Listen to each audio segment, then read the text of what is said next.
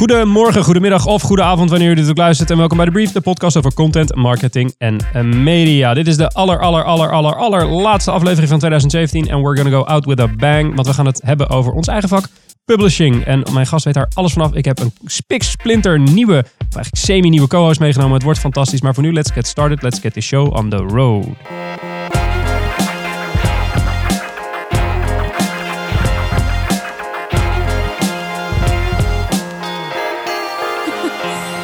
Brief. Zijn we weer terug in de studio en zoals beloofd aan mijn linkerhand een semi-nieuwe. En als ik zeg semi-nieuwe, dat betekent dat u hem al een tijdje niet heeft gehoord. Ik heb een nieuwe co-host bij me. Eh, Thomas Rozenkamp, stratege bij WPK The Agency. Thomas, hoe is het met je? Ja, goed. Als ik me niet vergis, hebben we je de laatste keer gehoord op 22 maart. Klopt dat? 22 maart, Ananushin. Ja, ja, dat is een aflevering die ik ook nog goed kan, eh, kan herinneren. Eh, eh, ook omdat jij er natuurlijk eh, bij was. Wat heb je allemaal uitgefroten in de afgelopen tijd? Eh, nou, heel veel. Ehm, eh, veel podcasts geluisterd, uiteraard. Dus ik heb veel inspiratie opgedaan. En ik ben eh, heel blij om hier nu weer te zitten. Naast jou, uiteraard. En een hele leuke gast. Dus ik, ik heb er wel zin in. Ach, wat ben je toch heerlijk. Een slijmboog. Ik love it, love it, love it. En wat is de beste content die je hebt gezien? Ehm, ik werd laatst getarget op Instagram met een video. En die video dat ging over een tentoonstelling. En dat heet Legendary Trunks. In de beurs van Berlage is die tentoonstelling. Eh, die tentoonstelling die draait eh, eigenlijk om honderden koffers van eh, Louis Vuitton. Dat is een privécollectie van, een, van een Zweedse verzamelaar, geloof ik. En de tentoonstelling is geproduceerd door een Zweeds bedrijf. Maar wat ik wel charmant eraan vond, het is echt een super grote storytelling, ook online, maar ook offline. Want wat blijkt nou? Ehm, die tentoonstelling is een beetje vormgegeven aan de hand van hoe reizen, dus traveling, zich heeft ontwikkeld in, in, in het verleden. Dus met de komst van het vliegtuig, de stoomboot, weet ik veel wat. Er zijn superveel vervoersmiddelen eigenlijk met reizen bijgekomen. En daar ontstond eigenlijk een soort van verschillende behoeften als het ging om het meenemen van je spullen. En Louis Vuitton schijnbaar, want dat wist ik dus eigenlijk helemaal niet, die heeft daar gewoon super eh, innovatieve koffers op ontwikkeld. Super tailor-made voor degene die ging rijden. Het was ook echt een luxe product. Eh, en dan heb je echt over sigarenkoffers, hele grote koffers voor je kleding. Maar echt super vet gedaan. Eh, dus dat heeft me best wel een beetje getriggerd om, eh, om naar die tentoonstelling te gaan. Dus dat, eh, ja, dat vond ik cool. In één keer geconverteerd tot, eh, tot klant. Eh, ja, nou ja, het, het, het grappige dat ik helemaal niet wist dat er zo'n heritage is. Volgens mij is het ook helemaal niet vanuit een Louis Vuitton eh, eh, opgezet, deze Nee, tentoonstelling. het Dus het is, is geen branded ding. Nee. Maar ik vond het wel een super toffe manier ook gewoon voor merk om over na te denken om op deze manier een storytelling te doen, weet je wel. Want ik wist helemaal niet dat er zo'n grote heritage achter dat merk zat. Eh, we wordt, wordt nu een beetje geassocieerd met eh, de, nou, Profvoetballers. Zeg Met nou prof- met- profvoetballers. met profvoetballers. Zeg profvoetballers. Ehm, eh, maar, dat, maar daar komt het helemaal niet vandaan, weet je. Dus dat vond ik, dat vond ik echt wel heel, eh, heel Het tof. waren eh, eigenlijk gewoon kledingkasten. Als je kijkt naar die koffers die ze meenamen op, die rij, op, op een cruise, zeg Mhm, maar. Op de ja. Titanic, zo moet je het voorstellen. Ja. Dat is een soort kast die je opendeed. Ja, Hè, waar je gewoon die spulletjes in hing. Ja. En als jij dan een, eh, een sigarenvakje wilde hebben, dan maakten ze dat er gewoon helemaal persoonlijk in, weet je wel. Dus dat eh, ja, vond ik echt wel heel cool. Tof. Beste. Hoe- En noem hem nog één keer. De, de... Legendary Trunks in de beurs van Berlage. Hij is eh, nu in uh, première gegaan. Helemaal, helemaal goed. Nou, aan mijn rechterzijde zit zoals iedere keer de gast. Eh, u hoorde ze net al heel eventjes. Dat is de head of publishing van WPK, onze eh, collega Femmetje de Wind. Hoe is het? Met mij gaat het heel goed. Ja? Ja. Ben je een beetje zenuwachtig? Ehm, ik was vooral heel zenuwachtig toen jullie mij vroegen. Oké. Ja, ik heb er ook lang over na moeten denken. Ja, ja, dat is alweer een tijdje geleden. Nou ja, ook omdat we, we hebben het deze aflevering over publishing. Dat is natuurlijk een, eh, een vak waar onwijs veel in gebeurd is eh, het afgelopen jaar. En, en je, je, je hebt heel veel dingen gedaan, gaan we het straks meer, eh, meer over hebben. Dus het leek ons ontzettend leuk om je een keertje te ontvangen als de tweede collega in de serie van 30 afleveringen van deze prijswinnende podcast. Want dat mogen we sinds twee weken Yes. zeggen. Absoluut, ja. Lu- welke podcast luister je zelf? Luister je podcast zelf? Eh, ja, zeker. Eh DigiDay eh, kijk, of luister ik altijd. En ehm, social, ehm, nou wat is het? Eh, social Media Marketing Podcast. Ja. Mhm. Van Michael Stelter, is het geloof ik. Ja. Ehm, ja, ik hou heel erg van podcast luisteren, eh, omdat ik heel veel fiets. Dus eh, dan gaat de oortjes in en dan heb ik weer een half uurtje. dan ben ik weer nou, beter op de hoogte of geëntertained. Lekker. Wat dan ook. Ja, dat Lekker. heb ik ook. Alleen ik fiets 10 minuten. Dus dan... Ja, maar het sneeuwt nu, dus misschien ben je nu langer onderweg. Dat je gewoon, of gewoon rondjes om je huis heen gefietst. Nou, laten we straks eh, eh, verder in het interview kijken of mensen hun, eh, hun fietsreizen aangenamer kunnen maken. Gaan we nu eerst even naar het nieuws. En zoals u van ons gewend bent bij de brief en zo ook in deze laatste aflevering van 2017 bespreken we een uh, nieuwsitem, of eigenlijk drie nieuwsitems die de content media of marketingwereld in zijn of haar ban hebben gehouden. En nieuwsitem nummer 1 was eigenlijk het grootste media nieuws wat we de afgelopen week voorbij zagen komen. Dat is namelijk dat Apple Shazam heeft gekocht. En Shazam kent u wel, dat is dat appje waar je op drukt op het moment dat je denkt, hey, wat is een leuk nummer. En dan druk je op die knop en dan vertelt Shazam, ja, dat is dat nummer. Super handig. Integraties met Apple Music en met, uh, uh, met Spotify. Doet alles automatisch in playlistjes zetten. Grandioos geniale app. Uh, maar die is nu dus nu verkocht. Apple heeft het gekocht voor 400 miljoen dollar. En dan denkt hij 400 miljoen dollar, dat is echt super veel geld. Nou, de vorige investeringsronde die Shazam deed, werden ze nog gewaardeerd op 1 miljard uh, dollar. Dus daar is een heel klein beetje van afgegaan. Ik ben niet heel goed in wiskunde, maar dat is volgens mij best wel een aanzienlijke som met geld wat eraf is gegaan. Uh, het probleem van Shazam is namelijk dat ze een beetje moeite hebben met geld verdienen. waar verdient uh, Shazam hun geld mee? Dat zijn namelijk met de outklicks richting Spotify en Apple. En dan verdienen ze ongeveer 54 miljoen in, in 2016. 54, 54 miljoen dollar hebben ze daarmee verdiend. en dat doen ze dus met die outklicks. Dat is eigenlijk het enige verdienmodel wat ze hebben. Het is een beetje een lastig model. en nu zijn ze dus verkocht aan Apple, Thomas. Mhm. Wat, wat moet ik hiervan denken? Waarom heeft Apple uh, Shazam gekocht, denk jij? Ja, ik vind, het een, uh, ik vind het een lastig ding. Kijk, aan de ene kant um, zou je kunnen zeggen dat de click-out dus naar uh, dan wel Spotify of Apple Music, op het moment dat jij het koopt, dat je die andere kliks buitenspel kan zetten naar je concurrent toe. Ja, een soort concurrent pootje haken eigenlijk. Ja, is, is dat het, weet je wel? Kan je dat doen, zeg maar? Kun ja. Nou, ja, ik denk, ja, het, dat zou een van de uh, redenen kunnen zijn dat ze gewoon spot, dat ze gewoon Apple Music een extra zetje in de rug willen geven door deze service af te sluiten. Vraag me wel af hoeveel mensen dan dan maar Apple Music installeren, omdat dat het enige is wat werkt met, uh, met Shazam. Je hebt namelijk Ja. een andere service, SoundCloud, uh, of Soundhound moet ik zeggen. Mhm. En die werkt eigenlijk even goed. Ja, Uh, dus, dus, dus het aantal abonnees dat je ervan afvangt, ja, dat is te minimaliseren. ik denk dat je het daar niet voor hoeft te doen. Ik, ik denk wel misschien de, de technologie van Shazam, weet je wel, die hele voice recognition software die ze hebben, uh, die is natuurlijk best wel waardevol. Het is al geïntegreerd met Siri. Nou, misschien kunnen ze dat nu nog verder doen. Ja, Uh, en ik las ook dat ze een uh, augmented reality platform hebben voor merken, Shazam. Dus die doen er ook nog, uh, dat doen ze er ook nog bij. Dus misschien heb, is de, heeft de overname daar wel wat mee te maken. Uh, Femmetje, gebruik je Shazam toevallig? Nee, ik gebruik het niet. Ik ken het natuurlijk wel. En ik denk ook wat jij zegt, die technologie, dat dat het interessante eraan is. Met betrekking tot voice. Um, maar nee. Nee. En, en uh, gebruik je Apple Music? Zou dit een reden zijn om uh, Shazam te gaan gebruiken? Ja, ik ben heel slecht met muziek en je, ben, online. Je bent heel slecht nee, met ik ben überhaupt slecht met muziek, zeg maar. Oké. Okay, nou, ik, ik, hou van een hele, ik heb een hele aparte smaak. Ja, ik, ik, ik, ik, ik denk dat, dat je een, een zielgenoot, uh, zielsverwant hebt gevonden in de presentator van deze podcast. Want ik heb ook de meest belabberde muzieksmaak die je in heel de historie van muziek... Uh, zoek mij op op Spotify en u begrijpt wat ik bedoel. Hey uh, Thomas, het tweede nieuwsuiting van deze editie gaat om supermarkten en om de most jolliest time of the year. Yes, de kerstcommercial van supermarkten. Ja, ik las een, uh, las een artikel op Adformatie. Dat, uh, dat zet eigenlijk een, uh, de drie commercials van, van Albert Heijn, of de commercials van Albert Heijn, Jumbo en Plus uiteen. kerst, kersttijden zijn voor supermarkten best wel een moment om heel groot uit te pakken voor wat betreft commercials. Zo ook nu. Uh, echt prachtige producties, uh, hoge mate van emotie, hele hoge production value. Een beetje deed me denken aan de John Lewis commercials van, uh, van de UK. Weet je, enerzijds zien we, zien we, ik denk dat heel Nederland overigens nu we dit bespreken, ze wel heeft gezien. Want het is een beetje lastig praten over iets wat, wat we niet zien. Maar nou, neem eens ons mee in, in die verhaal. Want je zei uh, AHA, Jumbo en Plus. Wat, wat is die ja. AHA aan het doen? Wat, wat zien we in die commercial? Nou, enerzijds zien we dus heel erg een soort van feel-good commercials. Uh, andere, anderzijds zien we, zien we maatschappelijke thema's die besproken worden. Uh, Albert Heijn zit heel erg op nou, oudere thema's, denk ik. dus we zien een, we zien een man. Hij, is, hij is alleen, want zijn vrouw is, is al overleden kennelijk. Hij, hij maakt zich helemaal op voor, voor een kerstdiner. Gaat three doors down bij, uh, bij, bij het bejaardencentrum waar hij zit. Belt daar aan, maar voordat hij aanbelt wil hij nog eigenlijk eventjes iets kopen. Want vergeet hij dat hij nog een cadeautje moet meenemen. Loopt hij uh, naar de supermarkt toe, naar de Albert Heijn, toevallig. Uh, koopt daar iets, schuift aan tafel en wordt daar eigenlijk een beetje verrast dat daar een heel gezin zit. En nou, brings, brings all the people together. Um, de andere twee, dus Jumbo en Plus, dat, dat, Um, Jumbo zit veel meer op de gezelligheidssfeer. Feel good, gezinnetje. We zien die Frank, hè, die advertising property ja, van die Jumbo. familie hè, die je altijd ziet in, uh, in hun af, uh, Precies. Ja. Dus super herkenbaar. Um, ja, komt, komt ergens aan in het bos bij een huisje en uh, wil naar buiten gaan om een kerstboom om te hakken.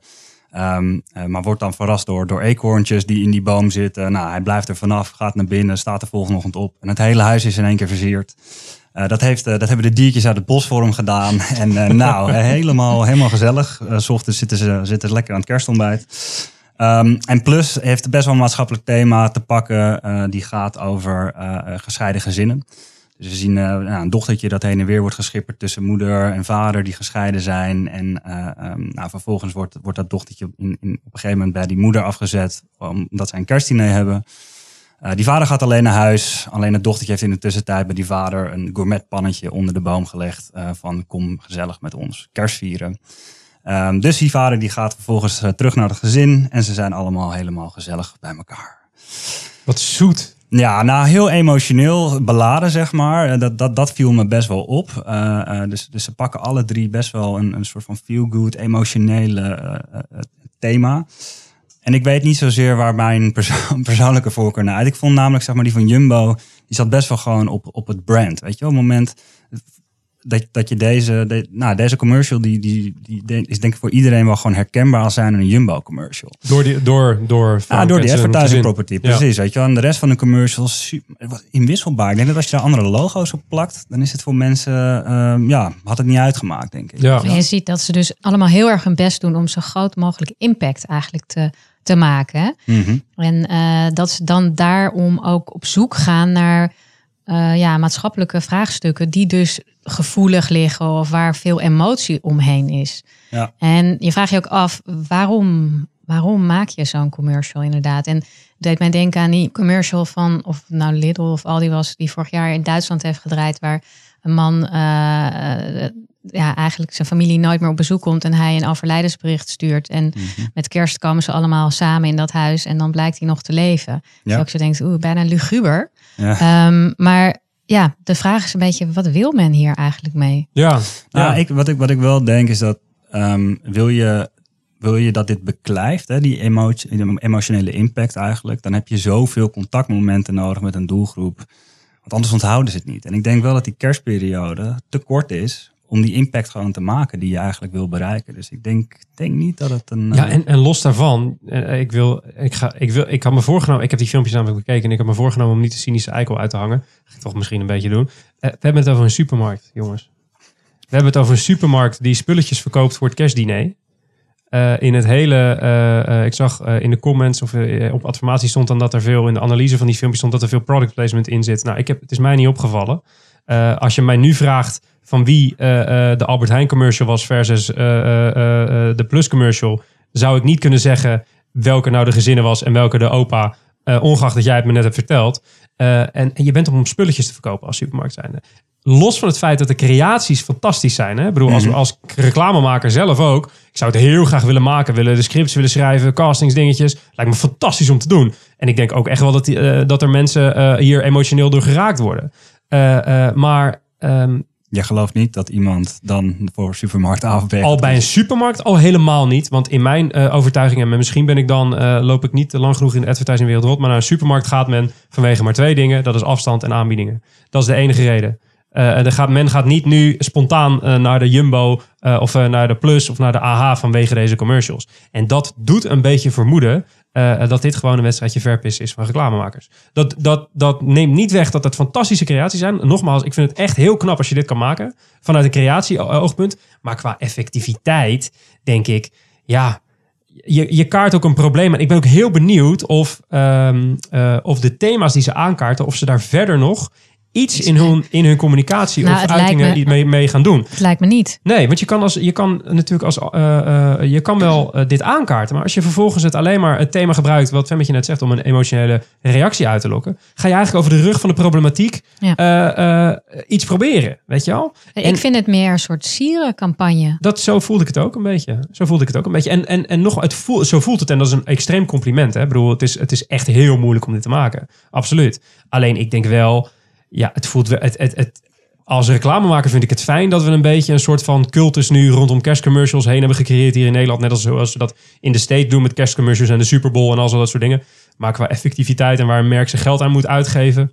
Ja. Ja, ik weet het niet. Ik, het, ik, het, ik, ja, ik wil het niet ik helemaal het- afkraken, maar het, het, Ik weet niet of het zich ook beperkt zeg maar, tot, tot de commercials. Hè? Ik bedoel, als je dan vervolgens de supermarkten zelf inloopt, dus de experiences, daar vind ik ze dan wel minder goed in geslaagd, weet je wel. Dus de doorvertaling ja. eigenlijk van, die hele, van het hele kerstgevoel in de winkel vind ik, vind ik eh, eh, ja, minder. Terwijl hier dus heel veel geld aan wordt uitgegeven. Ja, en wat je eigenlijk ook wel ziet is, waar wij ook mee te maken hebben, dat het steeds meer draait om engagement. Je moet die mensen engaged hebben op iets, weet je wel. En het gaat niet over iets uitzenden, een boodschap, maar meer zo van, wordt er over gesproken? Nou ja, Mhm. wij spreken er nu over. Ja, ja. maar dat is, dat is wel, eh, eh, we, we grappen hier wel eens van, ja, maak je dit nou voor een klant of maak je dit voor kan? Ik denk dat dit bij uitstek eh, voor kan geschikt is. Volgens mij heeft zelfs de kerstcommercial van vorig jaar van Albert Heijn volgens mij de Gouden Lookie gewonnen, als ik me niet vergis. Eh, eh, kan ik Jumbo, Ja. Jumbo, Ja, ja, zoiets. Eh, eh, dus nee, het, zijn- het zijn prachtige commercials, echt waar. Alleen, ja, weet je, in effectiviteit durf ik te stellen. Tenzij ze dit ook, eh, eh, eh, en dan schuurt het een beetje tegen onze eh, vak ook aan. Tenzij ze deze eh, commercial ook online inzetten als een soort massaal schepnet waarop je engagement gaat afvangen en die geëngageerde of eh, die, die, die, die, die geactiveerde groep mensen vervolgens gaat bestoken met productaanbiedingen en, en meer conversiegedreven uitingen. Maar wat voor dingen moet je aanbieden aan mensen die ge- eh, geëngageerd zijn op scheidingen? Geen flauw idee. Eh, ehm, Pannetjes. pannetjes. Gourmetpannetjes. nou, met deze gratis tip, eh, Albert Heijn en Bureau, eh, sturen we jullie eh, het bos in. Eh, het kerstbos. Ehm, het derde en laatste nieuwsitem van deze eh, vrolijke nu al aflevering van de brief eh, eh, draait om SEO. Eh, en dat was een interessante ehm, analyse die we lazen op contently.com. Sowieso een aanrader om daar eens naar te kijken. Eh, eh, die claimde namelijk dat eh, de SEO-specialist of de SEO-expert... die eh, moeten evalueren, anders sterven ze uit. En wat is nou de, het idee achter dit idee? Is dat de Google-machine straks zo, of eigenlijk nu al, zo goed is...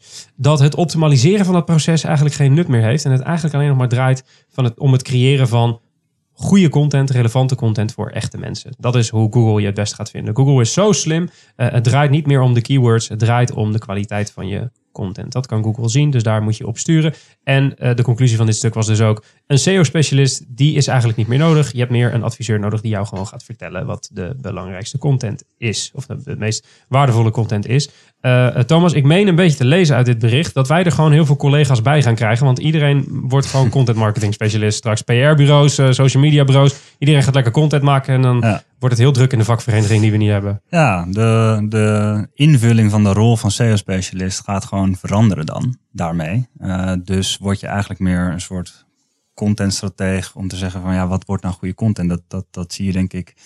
In PR zie je dat, zie je dat ook gebeuren, weet je wel. Eh, het is niet meer zo simpel, denk ik, om gewoon een hele Rolodex met journalistieke contacten te hebben en daar vervolgens maar gewoon eh, van uitgaan dat het wordt opgepikt.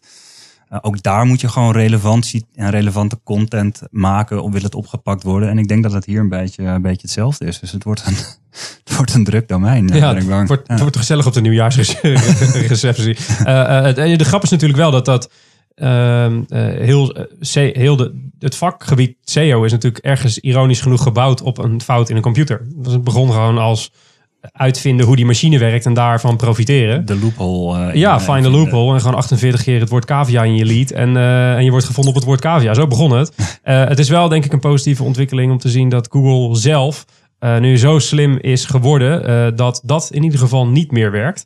Ehm eh, eh, Femmetje, eh, ik was al benieuwd eh, eh, binnen de uitgeeftak van Wayne Parker Kent, waar jij eh, het hoofd van bent. Ehm, eh, hoe is de rol, of hoe is de manier waarop jullie met SEO omgaan? Hoe is dat veranderd?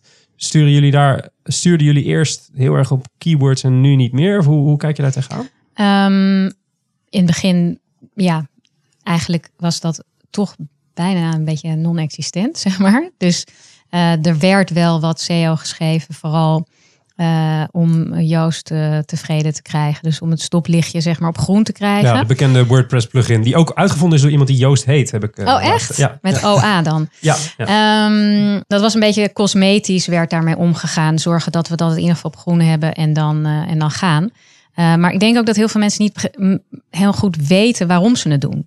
Ik denk op het moment dat je echt weet wat, waarom je het doet en wat het precies voor effect heeft. Want heel veel mensen denken ook dat SEO schrijven een soort long tail strategy is. Dus dat je iets maakt en dan dat het eh, eh, vaak blijft terugkomen. En dat je daar dan je aantal, ehm, je, ja, zeg maar je bereik op laat groeien. Maar als je heel goed SEO schrijft, dan word je ook snel geïndexeerd. Dus een heel goed SEO-artikel wordt snel geïndexeerd. Dus kan je ook gewoon op de dag zelf al effect van hebben.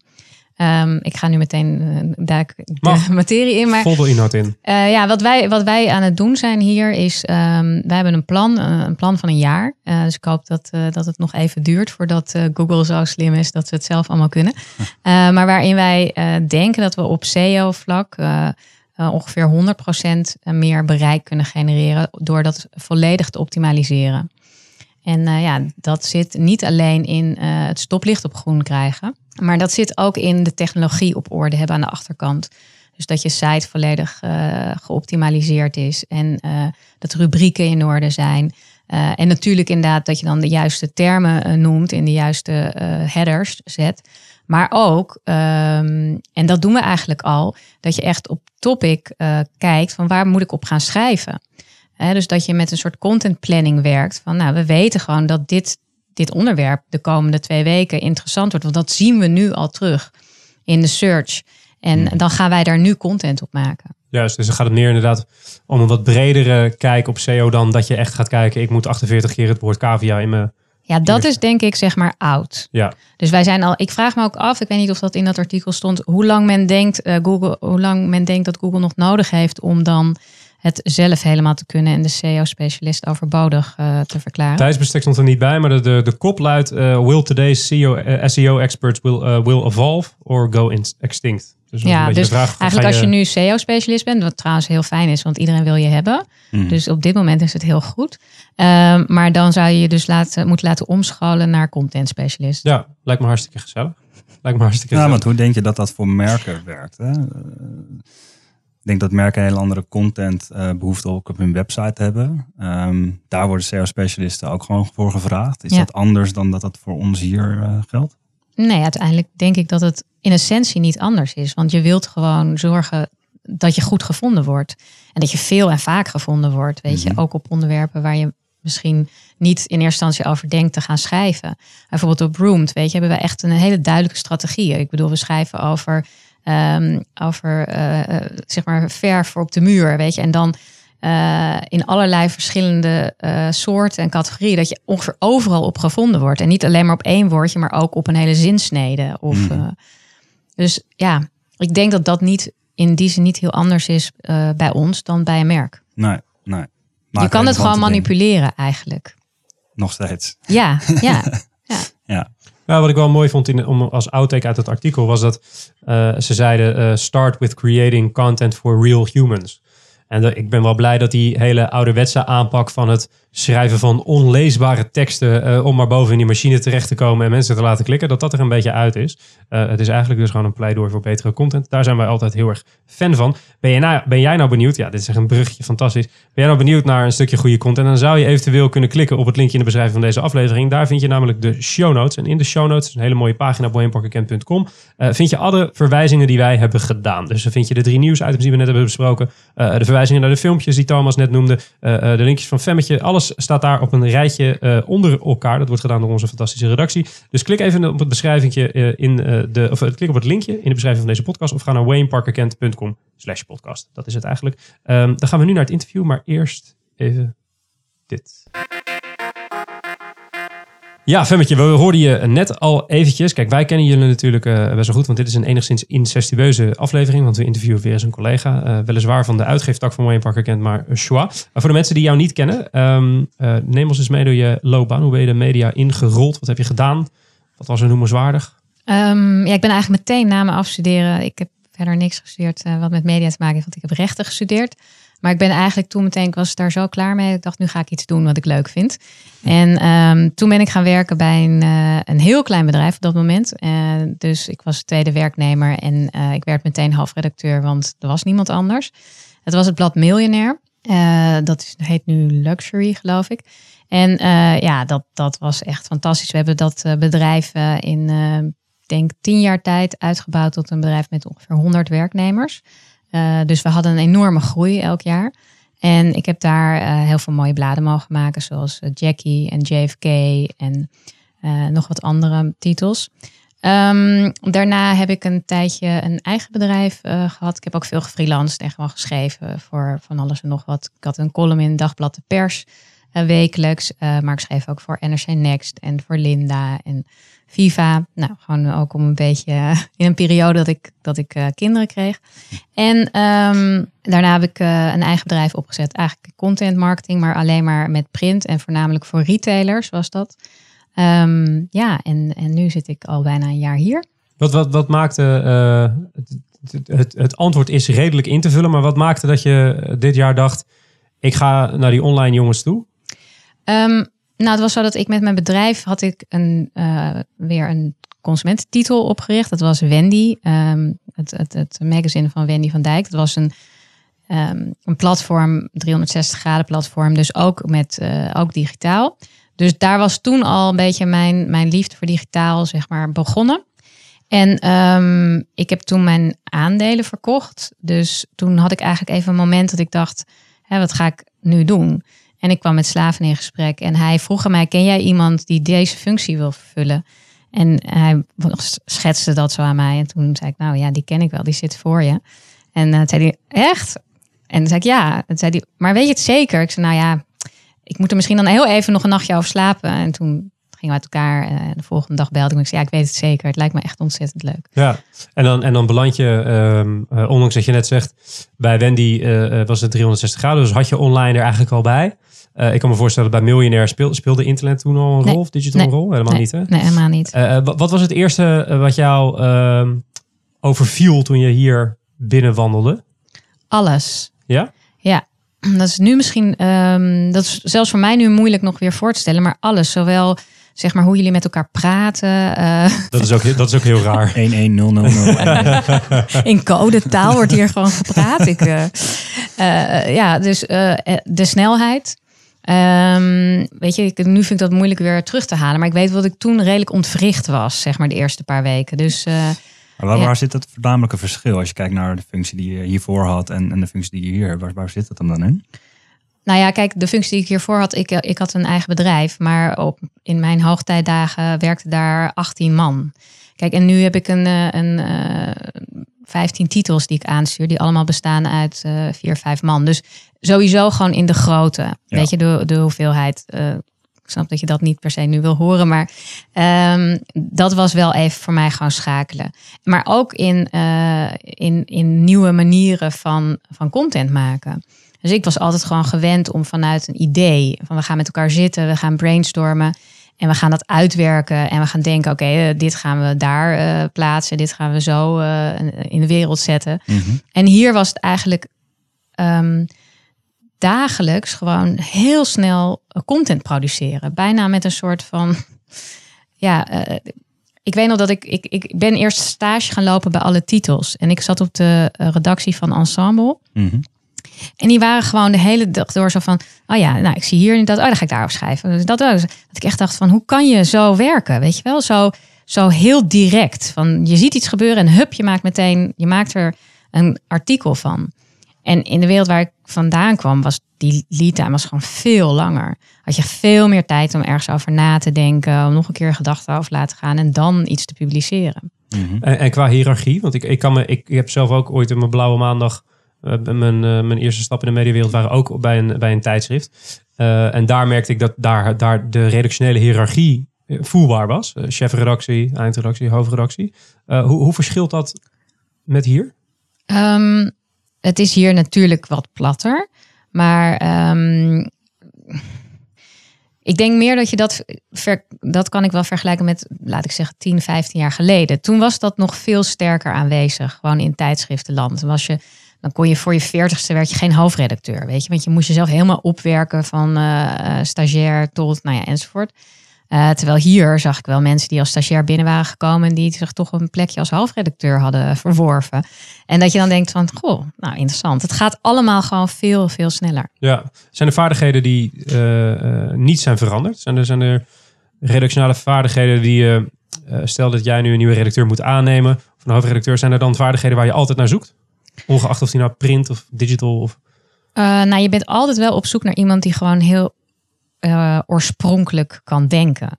Dat is natuurlijk de, de, vind ik een vaardigheid of een talent, weet je. Als je dat bezit, iemand die oorspronkelijk is, die kan je overal inzetten. En die learning agility, dat is ook natuurlijk super belangrijk, want mensen moeten heel snel kunnen leren om gewoon eh, elke dag is er weer iets anders om daarmee om te kunnen gaan.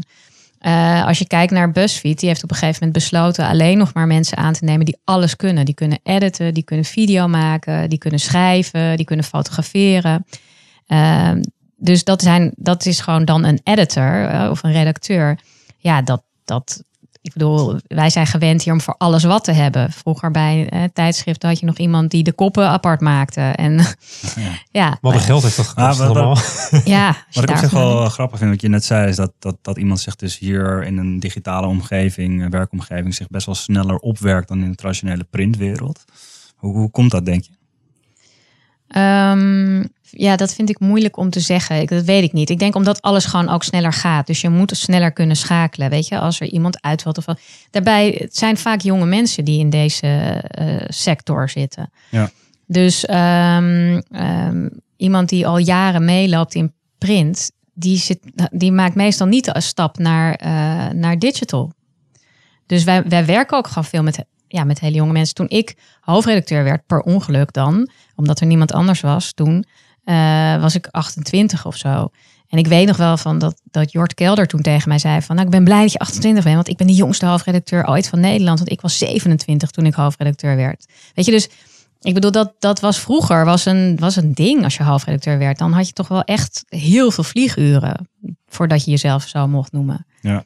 Ja. Uh, stel, ik ben uh, marketeer van, een, van een merk of bij een bureau en ik denk, dat eh, kwalitatieve, eh, die kwalitatieve slag die zou ik wel willen maken. Naar wat voor KPI's moet ik dan kijken, volgens jou? Nou, ik denk het belangrijkste is om te kijken naar de KPI terugkerende bezoeker. Dus als jij het voor elkaar krijgt. Kijk, wij, wij bereiken ontzettend veel uh, mensen maandelijks. Ik weet het even niet uit mijn hoofd, maar tussen 6,5, uh, 6,5 7 miljoen unieke bezoekers.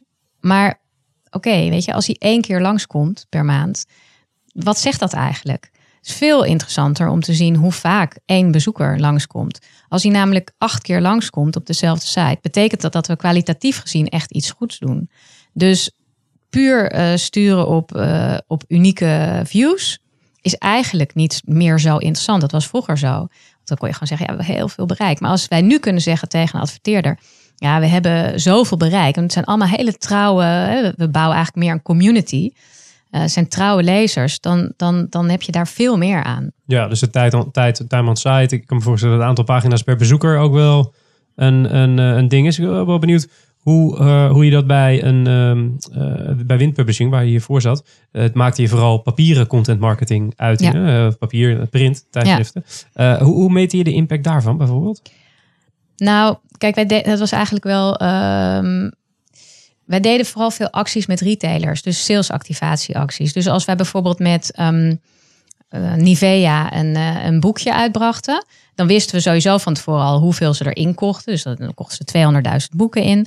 En zij konden alles meten. Dus zij wisten precies bijvoorbeeld van nou in week 48 komen er altijd, hè, worden er zoveel potjes, uh, weet ik veel, crème verkocht. Dus we gaan nu die salesactivatie doen met jullie. En uh, dan gaan we, moeten we minimaal 10% plussen in het aantal potjes crèmes dat wordt verkocht. Want anders halen we die actie er ook niet uit. Want het is natuurlijk gewoon duur om, weet ik wel, 200.000 boekjes te drukken van uh, Johan Cruijff of zo. Ja, dat deden wij bijvoorbeeld. Wel de moeite waard. Wel ja, de moeite waard. Ja. Dus, um, dus dat, dat was heel exact in die zin. Alleen altijd achteraf natuurlijk. Dat je pas hoorde van, ja, hij heeft wel of niet goed gelopen. Ja, en, en, en als je kijkt naar uh, de opkomst van video. Want je bent natuurlijk een tijdschriftdier, een papierdier, om het zo even te zeggen. Uh, uh, had je hiervoor, voordat je hierheen kwam, ervaring met video? Nee, behalve dan bij Wendy, waar we wel ook video, zelf videoformats ontwikkeld hebben. Maar ik zie dat toch ook niet zozeer als van oké, ja, welk, welke vorm je nou kiest. Uiteindelijk, mijn kracht of mijn ervaring zit in storytelling. En of je er nou voor kiest om het, weet ik veel, um, in een banner achter, achter een vliegtuig te hangen. Of dat je een banner zeg maar online zet. Of weet je, of dat je een filmpje maakt. Ik denk dat dat, dat op zich niet uitmaakt. Ik denk alleen wel dat je heel goed als, als uh, contentproducent heel goed moet kijken van wat zijn de trends. Nou, de trends zijn heel duidelijk op video. Ik bedoel, daar moeten we heen. En dat heeft natuurlijk alles te maken met dat, uh, de decline zeg maar, van televisie. En, en waar loop je dan eh, tegenaan? Want ik bedoel, video produceren, ongeacht dat... Ik snap, ik snap je punt hoor, want je, je zegt het draait om het verhaal. Daar ben ik, eh, ben, ben ik het mee eens. Eh, maar de productie van een daadwerkelijke video-uiting is natuurlijk anders dan geschreven content. Heel veel uitgeverijen zijn natuurlijk gewend aan geschreven content. Wa- wat zijn problemen waar je tegenaan loopt als uitgeverij als je wil gaan beginnen met video? Zijn er dingen die, die men onderschat in die zin? Ehm, nou, ik denk juist dat wat we hebben gezien is dat video ook heel professorisch kan worden gemaakt. En dat daar op een gegeven moment ook de kracht van video lag. Dat het allemaal gewoon met een iPhone geschoten werd. Dat er juist niet allemaal hele dure producties aan te pas hoeven te komen om succesvolle video's te maken. Ik bedoel, kijk naar eh, Nikki Tutorials. ehm, met, ik geloof, 8 miljoen volgers op Instagram en 8 miljoen op YouTube. Ik geloof dat ze alleen de camera, nou inmiddels zal het iets professioneler zijn. Maar vroeger zette ze de camera gewoon voor een spiegel en ging ze zich opmaken. Dus wat dat betreft denk ik dat er vaak ook heel ingewikkeld wordt gedaan over video. Terwijl het veel. m- Het is, het is niet zo ingewikkeld, zeg maar. Uiteindelijk moet je natuurlijk om, hè, om je te onderscheiden van de rest, is het wel fijn als je iets meer ehm, kennis hebt van dat vak. Want het is natuurlijk ook echt een vak. Ja, ja en, we- we hebben dat natuurlijk in huis hier. Ja, en, en, en ik denk ook wel dat je eh, het, het verhaal, dat dat uiteindelijk het belangrijkste is. En dat dan de vorm daar iets minder aan onderhevig is. Eh, je zei net al van, ik, ik, ben, ik, ben, ik ben hier omdat ik verstand heb van het vertellen van, ver- van, van verhalen. Wat heeft een goed verhaal? Eh, Wat, wat, wat, een, wat, wat moet een Ja. artikel op het netwerk van Parker Kent hebben? Of een, of een video? Of een, wat zijn die elementen? Nou ja, goed verhaal want heeft altijd een conflict. Dus ergens eh, wil je natuurlijk dat er twee dingen met elkaar eh, conflicteren. Of het nou is dat eh, het verhaal conflicteert met jouw wereldbeeld, bijvoorbeeld als lezer. Of dat eh, verschillende meningen worden gegeven onder een verhaal. Kijk, ergens moet iets schuren, weet je, wil het wat doen. Als we alleen maar iets heel vrolijks zien, zeg maar, dan, met een kerstcommercial. uiteindelijk hakt hij die boom niet om. Weet je, omdat hij dat zielige eekhoorntje ziet.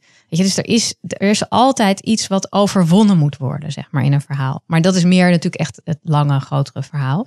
Maar ik denk dat je dat ook kunt doorvertalen naar, naar kortere, kleinere content. Dat er altijd iets moet gebeuren waardoor je wordt geraakt. Ja, zijn er eh, wat jou betreft goede voorbeelden van, eh, eh, en dan het liefst buiten de landsgrenzen, van partijen die dat vertellen van het verhaal goed doen in het digitale spectrum? Dus waar, waar kijk jij naar als uitgever zijnde?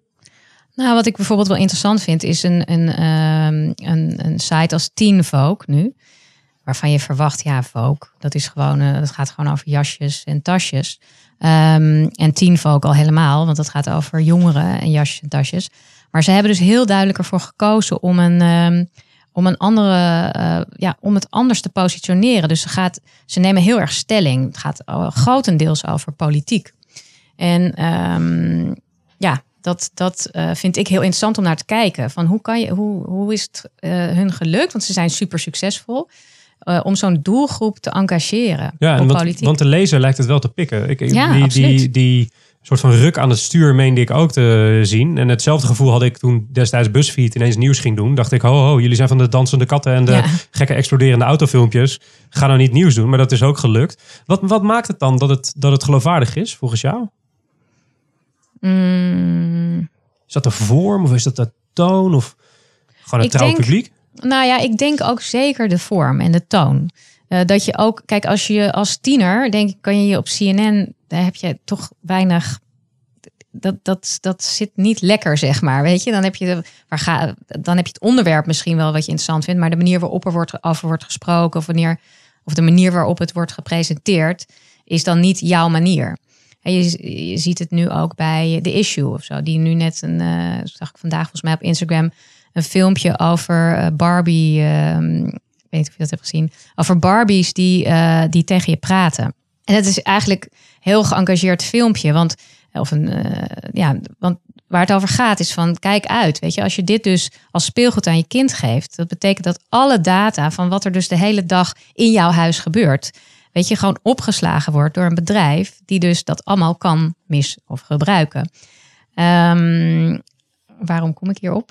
Ik weet niet, maar het is wel een heel interessant verhaal. ik, Ja. word, ik word volgend jaar vader en ik krijg een zoontje. En voor het geval Nee. dat hij met Barbie poppen wil gaan Ja, spelen, ga ik daar toch Ken even kopen, die kijken. kan praten. Oh, nee. Ken kan praten. Nee, ik zeg niet Ken Oh, kopen, niet die Ken kan kan- praten. Ja, want- joh, als een jongen met een meisje wil eh, spelen, dan uh, juich ik Ja, dat ook alleen maar toe. Maar het is wel grappig, want we hadden het over printbedrijven, we hadden het over digitale bedrijven. Maar welke rol heeft print nu voor digitale bedrijven volgens jou? Nou ja, wat natuurlijk voor uh, een aantal uh, digitale uitgevers interessant is, is printbedrijven die bijna omvallen. Mm -hmm. uh, omdat digitale uitgevers gewoon precies weten wat ze moeten doen om een, een, titel, zeg maar, digitaal goed neer te zetten. Terwijl heel veel printbedrijven het niet helemaal goed weten nog. Nog steeds nog niet, zou ik zeggen. um, en, en, en als je ziet, weet je, hoeveel geld er wordt gepompt in print, dan zie je gewoon op een gegeven moment van ja, ze houden het niet vol. Nou ja, dan is het natuurlijk voor digitale uitgevers best wel interessant om een merk te kopen. Wat bijvoorbeeld wel heel, heel bekend is onder een groot publiek. Dat te kopen, een, een stukje verlies te pakken, zeg maar, op, op eh, print. Maar hem digitaal zo neer en zo sterk neer te zetten dat ze nou, en al die goodwill hebben en die brand awareness. En dan alleen maar eigenlijk een trucje hoeft te doen van het digitale uitgeven. Nou, klinkt heel simpel, maar hè, dat, dat, dat, uh, die kansen liggen er nu wel voor, voor uh, digitale uitgevers. Ja, ja, het is een soort van uh, ironisch dat het slecht gaat met die titels, omdat merken steeds meer zelf gaan doen. En dat merken dat, weer, dat, dat het slecht gaat weer kunnen gebruiken door gewoon die titels over te nemen. En ze ja. dan voor cheap te kunnen over, overpakken. Ik kan me inderdaad heel goed voorstellen dat de marketingmanagers van merken denken: ja, we kunnen inderdaad owned kanalen op gaan zetten en daar heel veel tijd en energie in stoppen. We kunnen ook dat noodlijdende magazine kopen. Dan hebben we het bereik al en dan lopen we vijf jaar voor op de ontwikkeling. Ja, of uh, vooral allebei doen. Hè? Ja. Dus als je dus kijkt naar nu bijvoorbeeld Chanel, die, heeft dus, die is net recent, nou ja, recent, uh, op, op Instagram. Ze hebben uh, al nou, binnen no time 25 miljoen volgers. En als je kijkt, ze, ze, maken gewoon echt content daarvoor, voor dat kanaal dan. Ik bedoel, het is niet allemaal heel lang en maar wel uh, met een enorm uh, hoog aantal uh, views erop. Dus op een gegeven moment, wat, wat ik zie gebeuren, is dat merken gewoon zelf zeggen: ik bedoel, een Vogue en een Harper's en al dat soort grote mode-instituten, iconen. ja, die zijn natuurlijk wel afhankelijk van merken als Louis Vuitton, als Dior, als Chanel. Maar als die merken beslissen om gewoon hun eigen content te gaan maken, omdat het eigenlijk veel beter rendeert ja, wat gaat er dan gebeuren met dat soort merken? Maar ja, ze doen het dus wat je zegt, ze doen het dus eigenlijk al. Hè? Want ze hebben social kanalen, ze hebben wellicht ook wat own platformen uh, waar, waar ze op actief zijn. Hebben ze ze nog wel nodig? Nee, ik denk uiteindelijk divergeert dat allemaal een soort van naar elkaar toe. En dus gaan ze of moet je met elkaar gaan samenwerken. Uh, ja, of gaan dit soort uh, grote mediamerken verdwijnen. Ja, en ik, ik, of, worden gekocht. Ja, en de grap is dat het voor de consument, weet je, ik kan me goed voorstellen dat het voor een consument eh, van de Vogue, de gemiddelde consument, niet zo heel veel uitmaakt of er nou 1, 3 of 25 merken in staan. Uh, uh, ik denk dat je daar dat dat schromelijk overschat wordt, dat daar zoveel waarde aan wordt gehecht. Um, ik wilde ook nog eventjes, want we vliegen echt door de tijd heen, merk ik. Um, als je het over uitgeven hebt in de, in de digitale wereld, dan valt al heel snel het grote, boze, blauwe Facebook-woord. De grote reus die in ieder nieuwsbericht wat je op DigiDay leest, de, de uitgeefwereld aan het opvreten is. Uh, hoe kijk jij aan naar die, naar die invloed van Facebook op het uitgeverswezen? Um, ja, ik ben daar helemaal niet zo bang voor. Ik vind juist dat we moeten kijken hoe we daarmee samen moeten werken. En hoe we daar zoveel mogelijk profijt um, van kunnen hebben. Maar ik, ik, kijk, ik kijk natuurlijk wel van het is een beetje stom om al je eieren in één mandje te leggen. Dus ik bedoel, ik zou nooit een beleid voeren waarop we zeggen, nou, we gaan alleen nog maar met Facebook samenwerken. Ik stuur heel erg op, weet je, we moeten ook een Pinterest-strategie hebben. We moeten ook goed op SEO zitten. Um, dus ik probeer wel echt die verschillende strategieën uh, hier allemaal bij alle titels um, uh, duidelijk te krijgen. Maar um, ja, ik, ik vind, uh, laten we vooral ermee samenwerken. We doen ook echt nu in onze contentstrategie hebben we er echt een soort splitsing gemaakt. We zeggen, we maken bijvoorbeeld echt content die speciaal voor Facebook is. En vroeger gebruikten we het natuurlijk veel meer als een soort uh, distributieplatform. Dus dan zetten we het er gewoon op en hoopten we dat ze met een klik naar onze site kwamen. En nu proberen we ook echt. Kijk, op een gegeven moment werd dat ingewikkeld doordat je natuurlijk dan dat Facebook ook op een gegeven moment ziet van ja, ja, ze gaan allemaal weg van ons platform uh, en dan naar die site. Dus dat, dan, nou, dat is niet goed voor Vinden je ad rank. Vinden, Vinden ze, gewoon niet zo leuk. Dus um, dan, dan word je dus dan wordt er gewoon veel minder, uh, wordt het veel minder zichtbaar. Dus je moet wel, je bent wel min of meer gedwongen ook om uh, eigenlijk Facebook-only, zeg maar, content te maken. En daarmee eigenlijk weer nieuwe fans te creëren. Hè? Want het... Maar is dat dan het einddoel? Of is dat uh, het creëren van Facebook-only content bedoeld om uh, um, uiteindelijk een hogere organisch bereik te halen, wat weer naar je platform komt? Is, is ja, dat dan ja. Ja, uiteindelijk is het doel. Uh, hè, we zijn nu begonnen met het maken van speciaal video's, gewoon tekst over video's. Um, En daar zien we gigant, daar zijn we gigantisch succesvol mee. Dus uh, bijvoorbeeld Beautify had afgelopen week in één week 11 miljoen views op Facebook op die filmpjes. Ja, en ergens voelt het alsof het zo, weet je, alsof je het bij spreken weggooit, weet je wel. 11 miljoen mensen die dat hebben gezien. Wat kunnen we daar nou mee doen? Ja, en daar, uh, wat we bijvoorbeeld wel zien, ze groeien gigantisch in, uh, in vind ik leuk, zeg maar. Dus de, iedereen die komt wel op die pagina en zegt, hey, vind ik leuk. Dus daarmee hebben we al die edge rank weer omhoog. Um, tegelijkertijd willen we echt gewoon gaan, echt gaan, gaan targeten. Dus als we zien van oké, mensen komen en kijken zo'n videootje, kijken hem helemaal uit. Zullen we die mensen nou eens met een stukje content, uh, met, een, met een mooi artikel gaan targeten? Nou, dan wordt het interessant. Dus vooral dat retargeting stuk, daar zijn we nu, dat is eigenlijk stap 2 nadat je uh, Facebook-only content maakt. Van hoe gaan we daar dan weer mee om en hoe hebben wij er ook weer wat aan? Dus dat betekent eigenlijk dat je een page-strategie tegen je redactionele model aan gaat hangen. Dus dat er distributiebudget wordt opgenomen in je redactiebudget. Exact, maar dat hadden we al. Maar eerst in eerste instantie gebruikten we dat om gewoon stukjes, zeg maar, wat geld tegenaan te zetten en te boosten. te boosten. Ja. En nu gebruiken we het op een andere manier. Juist. En, en, en denk je dat er ook een, um, een verantwoordelijkheid bij Facebook ligt om een handreiking te doen naar de publishers, om ons een beetje te helpen? Want uh, uh, je kan wel stellen dat uitgevers eigenlijk over elkaar heen vallen uh, als het gaat om het klagen over Facebook en ook over het uitvinden van: oké, maar wat wil Facebook nou van me dan? Wanneer, wanneer doe ik het goed? Uh, uh, moet Facebook daar niet een, een stap naar de uitgevers toe zijn? Ik bedoel, wij zijn wel de partijen die uh, dat platform van content voorzien, onder ja. andere naast de gebruikers. Ja, ik vind dat echt een van de dingen die me het meest verbaasd hebben. Want ik, ik ik kom dus uit de printwereld. Daarin was de, gewoon de distributeur was gewoon een hele belangrijke schakel. Of je, of je, je outlet, laat maar zeggen, je, de ACO's en de Bruna's. Daar, daar zat je gewoon mee rond de tafel eens in het kwartaal, zeg maar. Of eens in het half jaar. En dan besprak je met elkaar van, wat kunnen jullie voor ons doen? Hoe, hoe komen we nou goed in dat schap? Uh, moeten we iets inkopen inderdaad? Of uh, hè, kunnen jullie ook iets voor ons doen? Mogen we in de etalage op Schiphol? Ja, allemaal dat soort dingen. Nou, eh, ik heb uh, op een gegeven moment echt zelf moeten zoeken van wie kan ik in godsnaam van Facebook uh, vinden, die, met wie ik gewoon eens kan praten, weet je, hierover. En die, die ons kan helpen. En dat vind ik wel. ik sprak gisteren heel even die CEO van Google in Nederland. En ik vroeg hem dat ook. Ik zeg, waarom hebben jullie daar, nemen jullie daar geen rol in? En ik merk ook aan ze, ze zien zichzelf niet zo. Zij zien zichzelf gewoon echt van, wij zijn gewoon een platform. Uh, jullie mogen er allemaal opzetten wat jullie willen. Onze uh, voornaamste doelstelling is dat het allemaal veilig gebeurt. Dat de privacy niet geschonden wordt. Weet je, dat er goed advertising model op zit. Maar echt meedenken met de publisher. Ja, dat vind ik echt nog ver beneden maat. Maar zou dat een, uh, een, ja, een eerlijke rol zijn of zo? Is dat fair? Moet een datapartij dat in jouw ogen doen? Nou, jij zegt een datapartij, maar is het nog wel een datapartij? Ja, een platform. Het is een, nou ja, het is een platform. Nee, ik denk dat ze bepaalde verantwoordelijkheden ook hebben. En dat ze niet meer puur een datatechnologiebedrijf zijn, maar echt een distributeur van content. Ja, ja daar doen ze in, in de States volgens mij. Hebben ze daar, zijn ze daar nu een heel klein beetje van teruggekrabbeld. Uh, ze riep altijd heel hard, we zijn geen uitgever, we zijn geen uitgever. En daardoor stond de meest verwerpelijke shit lieten ze gewoon staan.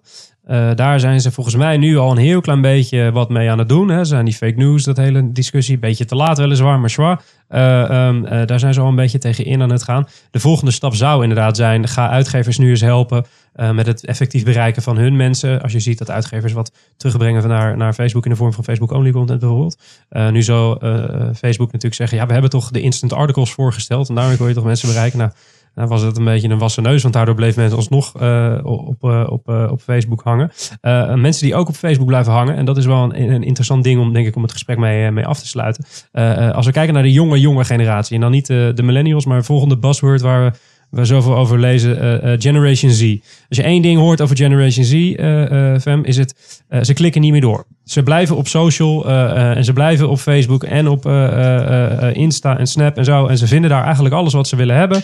zelfs winkelen kunnen ze nu via Facebook doen. Kortom, je krijgt ze met geen stok of knuppel meer naar je website toe.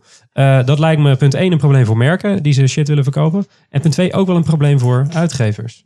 Wat ja, gaan we daaraan doen? Ik zie het niet als een probleem, ik zie het juist als een kans.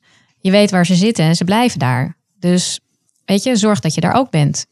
En uh, daar zijn we ook heel druk mee bezig. Uh, we zijn echt een uh, aantal hele mooie titels aan het, nou ja, zijn nu in de markt aan het zetten.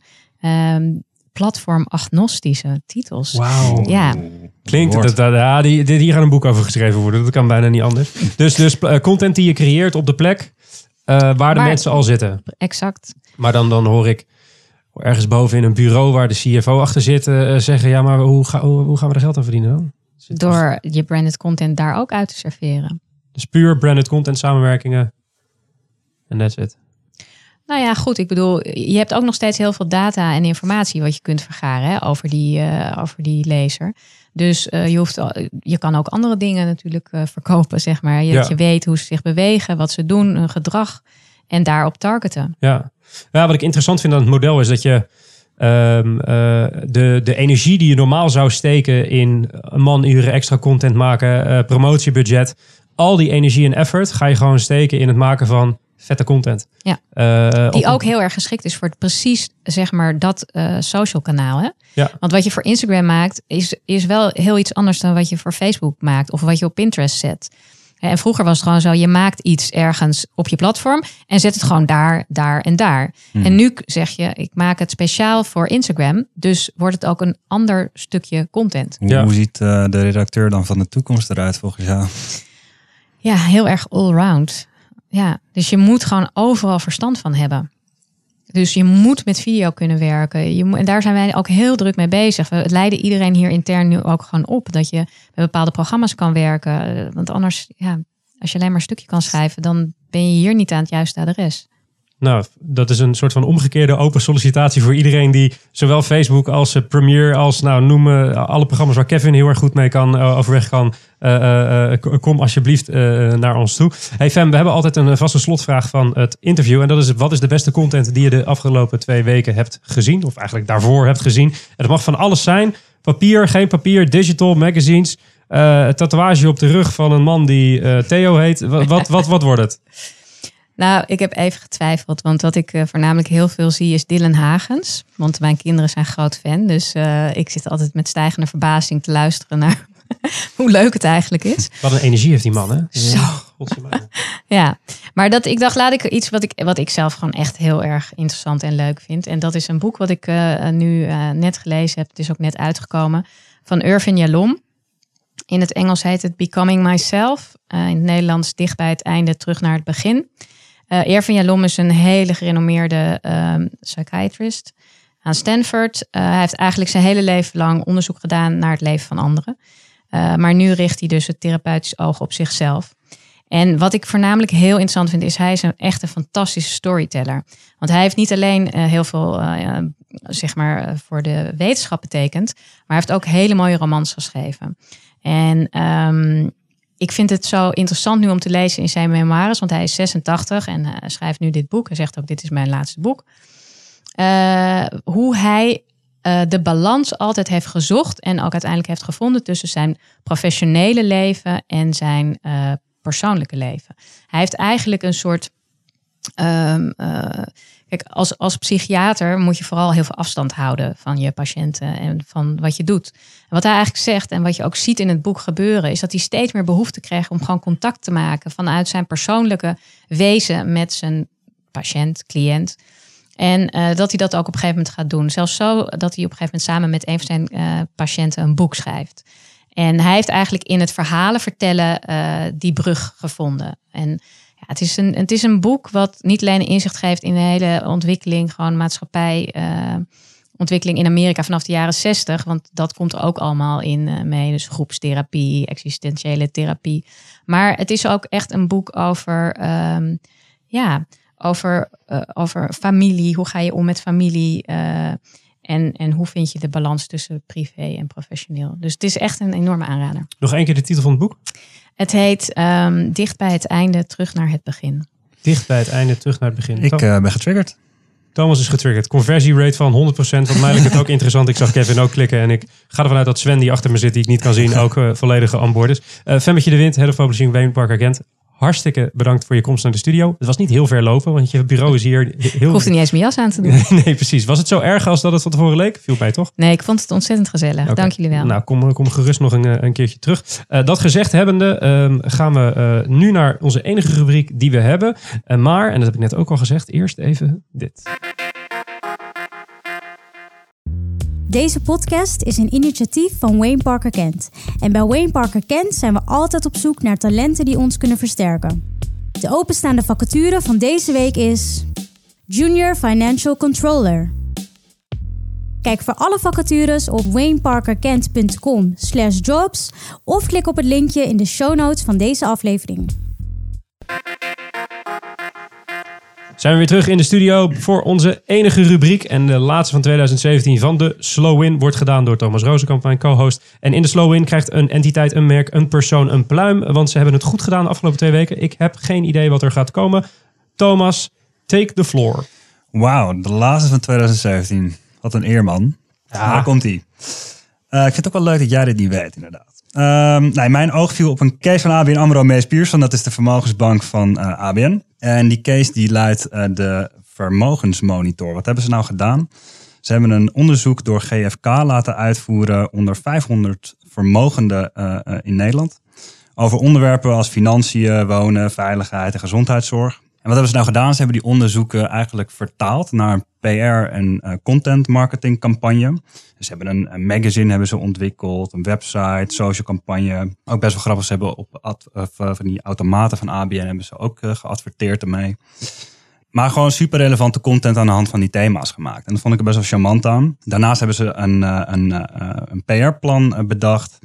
En daar hebben ze best wel veel exposure mee gekregen op tv, radio, kranten en tijdschriften. En waarom vind ik het nou zo'n goede case? Aan de ene kant vind ik het heel tof dat ze um, een onderzoek gewoon inzetten als marketing tool. Weet je? Op deze manier leren ze gewoon hun doelgroep echt super goed kennen. En kunnen ze daarop gewoon hun diensten en services aanpassen. En anderzijds vind ik het best wel een mooi voorbeeld van een campagne waarin het gewoon een hele slimme doorvertaling is van een onderzoek. Relevante content. Uh, die gewoon kan leiden tot een heel groot earn component. Dus we hadden het er net al, inderdaad al even over content maken vanuit, uh, vanuit PR-bureaus. Nou, dit vind ik gewoon een heel goed voorbeeld ervan. Dus check hem in, in de show notes.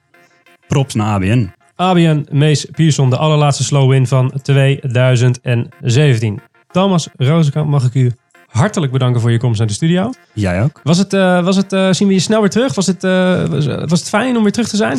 Het kriebelt wel weer, ja. Het kriebelt wel weer Ja, een dat is beetje. mooi. Nou, dan ga ik ervan uit dat we je in 2018 weer heel erg, eh, weer heel erg terug gaan zien. Eh, dat betekent dat mij nog niks rest eh, om u te wijzen op het feit dat u zich kan abonneren op deze podcast. Dus vond je dit interessant en wil je meer afleveringen? Abonneer je dan eventjes via je favoriete podcast app. We staan nog niet in de Spotify eh, app, maar dat gaan we, wel, gaan we wel regelen in 2018. Verder staan we eigenlijk overal in. Soundcloud, eh, Overcast, Pocketcast, noem het op. En we staan erin. Stuur het ook even door naar je collega's als je denkt dat ze dit interessant zouden vinden.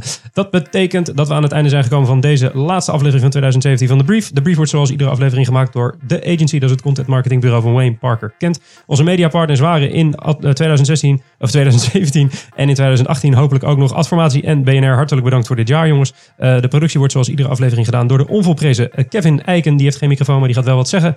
En de redactie werd gedaan door Sven Alekopsa. Heeft ook geen microfoon, gaat ook wat zeggen. En dan bedanken we nog voor heel dit jaar Frank Goren, Matthijs Stielman, Jill Roderijs en Robin Barendse. We gaan met een hele kleine break, want het is kerst. Bedankt voor 2017. Mijn naam was Mark Schoones. We zien je op 8 januari. Tot de volgende keer.